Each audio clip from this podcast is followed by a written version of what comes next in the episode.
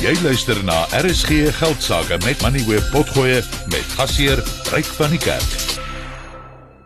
Die Wêreldbank dink dat 'n hele nuwe batterybergingsbedryf in Suid-Afrika kan ontwikkel wat teen 2032 meer as 40 miljard rand kan beloop en dit sal boonop tot 60000 nuwe werksgeleenthede kan skep. Die bank sê in 'n verslag dat die vraag na batteryberging gaan oor die volgende 5 jaar dramaties toeneem soos daar al hoe meer hernubare energieprojekte op dreef kom en ook residensiële sonkragstelsels geïnstalleer word. Die verslag sê in 2020 was daar batterye wat sowat 270 megawattuur kon lewer en dat dit teen 2030 sal groei tot tussen 9700 en 15000 megawattuur. Op die lyn is Paul Vermeulen, hy is van die Suid-Afrikaanse Energiebergingsvereniging.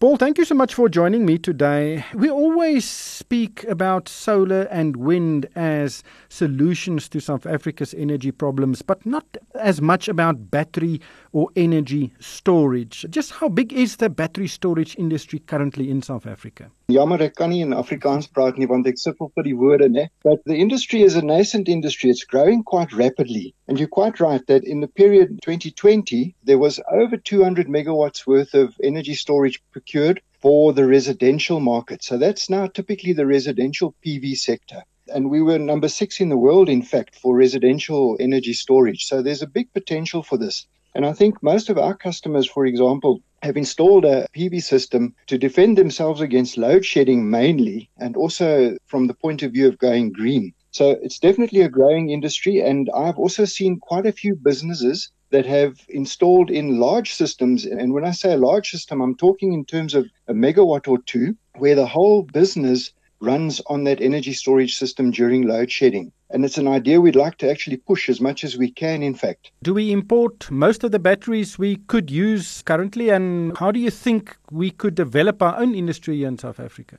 On the lithium ion front, most of the batteries are imported at the moment, but there are plans of local companies to try and start creating manufacturing plant for it. So we've got some fairly big South African companies already that are importing the batteries, putting them into battery systems, if I can put it that way, and selling them into the market in various applications. So remember, energy storage is probably the better term to use because when you say battery, you kind of think only of a battery. And there are many other forms of energy storage. So you can also construct what's called a vanadium flow battery. And in South Africa, we've got tons of vanadium. So this is a very promising area to look at. It's a flow battery. So if you can imagine what happens with a flow battery is that you charge a chemical, a vanadium, and you keep it in two separate tanks. Basically, you have two swimming pool sized tanks, if you like, and you charge the vanadium and you put it from one tank into the other. And when you discharge that battery, if you like, you can get the energy back out of it. There's quite a few different technologies, vanadium flow battery technologies, lithium ion technologies as well. And interestingly enough, there's also gravity based systems. So this is the idea that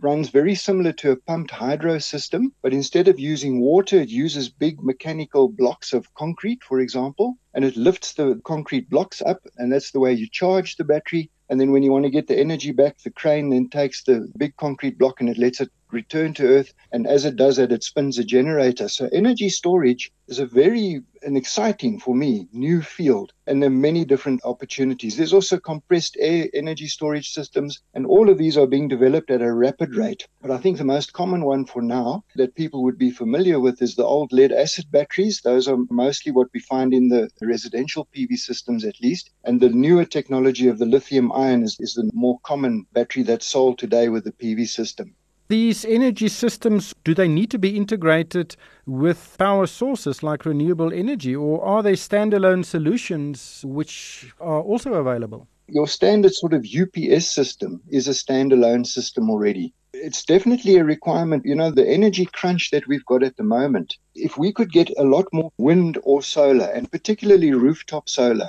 it does make a lot more sense to try and couple energy storage with some sort of energy source like photovoltaics. So, just as an example, most of the residential PV systems have already got an energy storage system in them. And unfortunately, at the moment, I don't think we're using it in the right way because people generally use their PV system just to defend against load shedding. But what we should be doing is programming that inverter of that PV system to only charge the battery, for example, from the PV system and not from the grid. One of the disadvantages of just a straight uh, UPS system is that once you've used it, say during a load shedding period, when the power comes back, if that UPS system immediately draws power from the network, it actually makes the load shedding problem worse. So anybody using a UPS system should rather try and program that UPS system that it only recharges in the early hours of the morning when there's extra capacity available.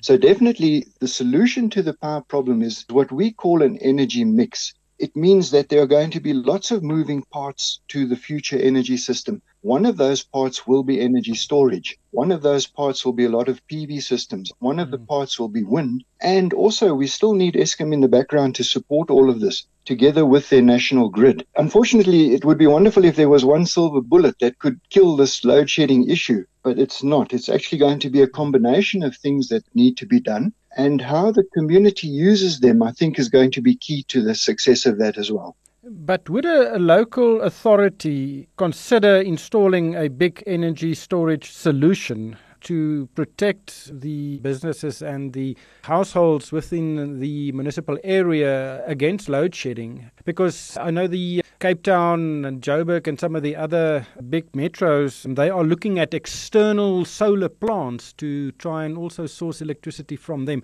Can it not play a role to mitigate the effects of load shedding in such areas?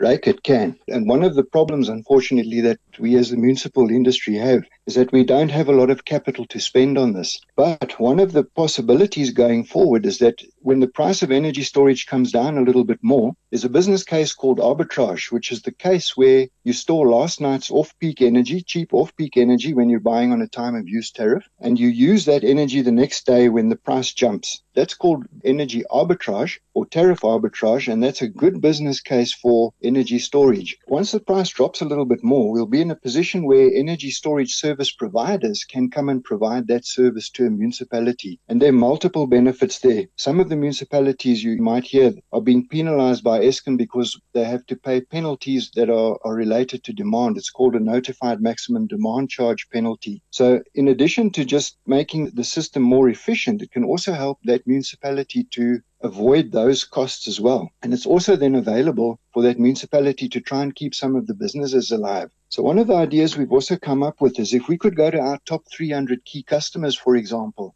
and convince them each to invest in a one megawatt, two megawatt hour battery, we would have a 300 megawatt battery at our disposal. And the beauty of that idea is that it would immediately protect that business from load shedding. In other words, they could run the entire business as if it was on a UPS system. But it doesn't make sense to spend all that money just to avoid load shedding. So the idea that we're putting forward is that number one, install the energy storage system to protect your business against load shedding. But number two, also then go onto the time of use tariff that your local authority might offer and use that asset every single day to make arbitrage savings. So remember on a time of use tariff, the off peak period rates are usually much lower than the standard rates. So the idea of a time of use tariff is that if you can avoid consumption during the peak period by using your battery to run your business during that time, you can make quite a good saving. The final point of that is at the moment we've got Eskom that is being unbundled and we should have an independent system and market operator operating in South Africa in a few years time. Now in that case, the local authority could connect those energy storage systems to its SCADA system to aggregate them. In other words, take the 300 separate little one megawatt batteries,